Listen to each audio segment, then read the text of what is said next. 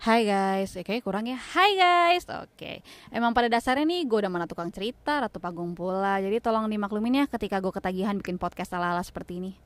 Assalamualaikum warahmatullahi wabarakatuh. Selamat hari Senin dan selamat mengabdi di hari kerja pertama di minggu ini. Pada hari ini gue mau ngebahas hal yang lagi viral nih Yakni bekal untuk suami.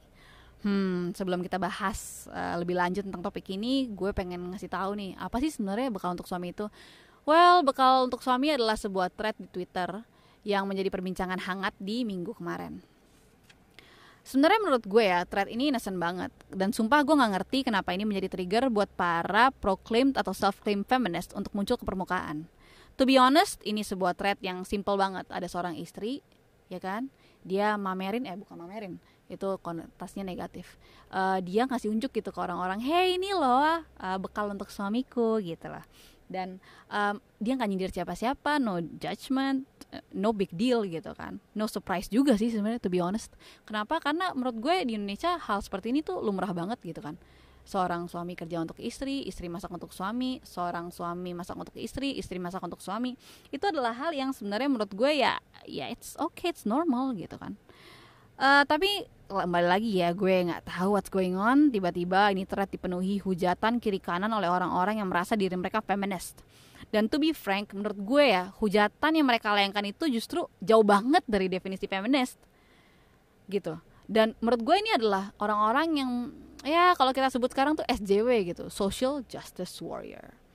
Apa sih tuh social justice warrior? Ya mereka adalah orang-orang yang ngebela kebenaran sosial dan itu mereka adalah orang-orang yang sebenarnya baik Cuma di kasus ini, menurut gue mereka tuh orang-orang yang sebenarnya nggak tahu gitu apa yang mereka bela gitu dan karena memang nggak ada yang perlu dibela gitu kan.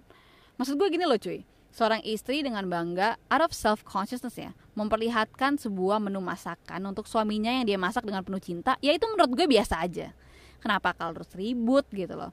Dan sorry nih, kenapa perempuan merendahkan pilihan perempuan lain sih? Whatever happened to I got your back like you got mine, sister. I'm right behind you. I support you 100%. Whatever happened to it's my life and my choice. Hah? Gak perlu lah lo bilang ini thread tertolol yang pernah gue lihat. A happy housewife anjing. Maksud lo apa? Kalau dia seneng masak dan jadi housewife tuh lo mau ngomong apa? Terus lo mau marah gitu? Lalu apa bedanya lo sama mereka yang selalu keluar-keluar bilang istri tuh wajibnya di rumah gitu? Sama aja kan lo sama aja uh, memaksakan kehendak lo ke orang lain. Apa bedanya lo sama dia? Apalagi nih ada perempuan yang bilang, ah ini mah unpaid labor. Seriously ya, ya gue catat tolong catat ya. Pernikahan itu bukan pekerjaan. It's not a contract. Lu tuh diapain sih sama laki-laki sampai lu segininya gitu sama sama uh, sister lu sendiri gitu. Maksud gue gini loh cuy, lu pernah disakitin laki-laki, lu pernah dikecewain, Hah? lu marah. Jangan dilampiasin ke orang lain lah cuy, lu sadar ya. Orang itu mentalnya beda-beda. Jangan malah jadi bully-bully orang. While we're at it ya, gue juga mau tanya dong nih sama para aktivis. Gue di sini pakai tanda kutip ya, tolong catat ya. Karena gue tahu aktivis beneran gak mungkin kayak gini. Ya. Gue pengen nanya sama aktivis nih yang tanda kutip ini.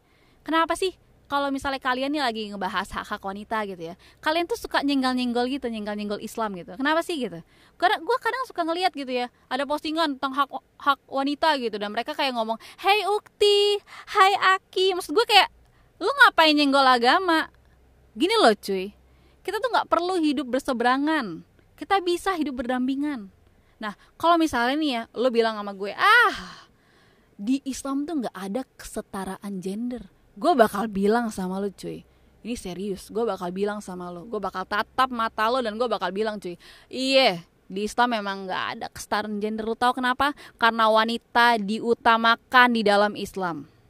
Ya wanita bercadar itu memutuskan untuk memakai cadar bukan supaya dia tidak menjadi godaan laki-laki sis. Tapi karena dia sebegitu berharga di mata dirinya sendiri makanya dia menjaga diri hanya untuk mahromnya Eits, gue nggak mau nih ya. Ntar ada yang ngomong, eh jadi ukti-ukti itu ngerasa dia lebih baik gitu daripada gue gitu kan. Oh gitu, lo ngerasa lo cantik banget gitu ya Ci ya? Enggak, enggak gitu. Pilihan hidup lo ya hidup lo. Pilihan hidup dia ya pilihan hidup dia. Nggak usah lo ribut maki-maki orang, nyenggal-nyenggal orang yang bilang hijab wajib, pacaran haram, poligami, oke. Ya udahlah cuy agama lo agama lo agama dia agama dia. Oke gue ngerti. Ih orang-orang ini perlu edukasi. Ya edukasilah dengan adab cuy. Dengan akhlak cuy. Dengan kasih cuy. Edukasilah tuh dengan benar gitu. Coba dibuka pintu logikanya. Coba oke toleransinya. Jangan lo maki-maki jangan lo pakai ngegas. Saat ngebela sesuatu tuh lo nggak perlu pakai emosi. Saat ngebela sesuatu tuh lu jangan pandang dari sebelah mata doang. Saat ngebela jangan lu bikin hal yang spesifik jadi umum gitu. Gitu loh cuy. We're strong. We're more than this. We're educated. We're tolerant. Strong as we are united weak as we are apart. Jangan menjadikan hal-hal sepele seperti ini membuat kita malah nyerang satu dengan yang lainnya. Dan buat kalian yang setelah mendengar podcast ini ngerasa ah bullshit loh ah lo bullshit banget gitu ya. Gue ada satu pertanyaan nih buat lo yang wajib banget sih ya lo pikirin ntar malam sebelum tidur. Ya lo pikirin nih. What's the use of activism if we ruin one another? What's the use of spirit if we kill each other?